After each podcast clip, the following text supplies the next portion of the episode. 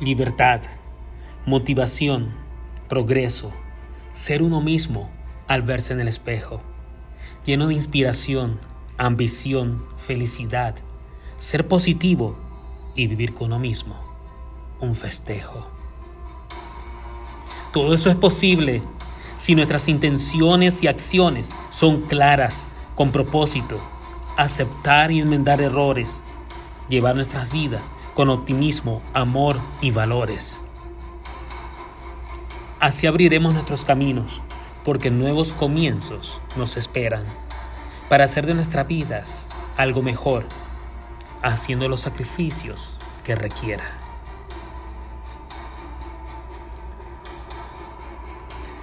Sana y prospera, y haz contigo mismo un reencuentro, porque la felicidad está en nosotros por dentro.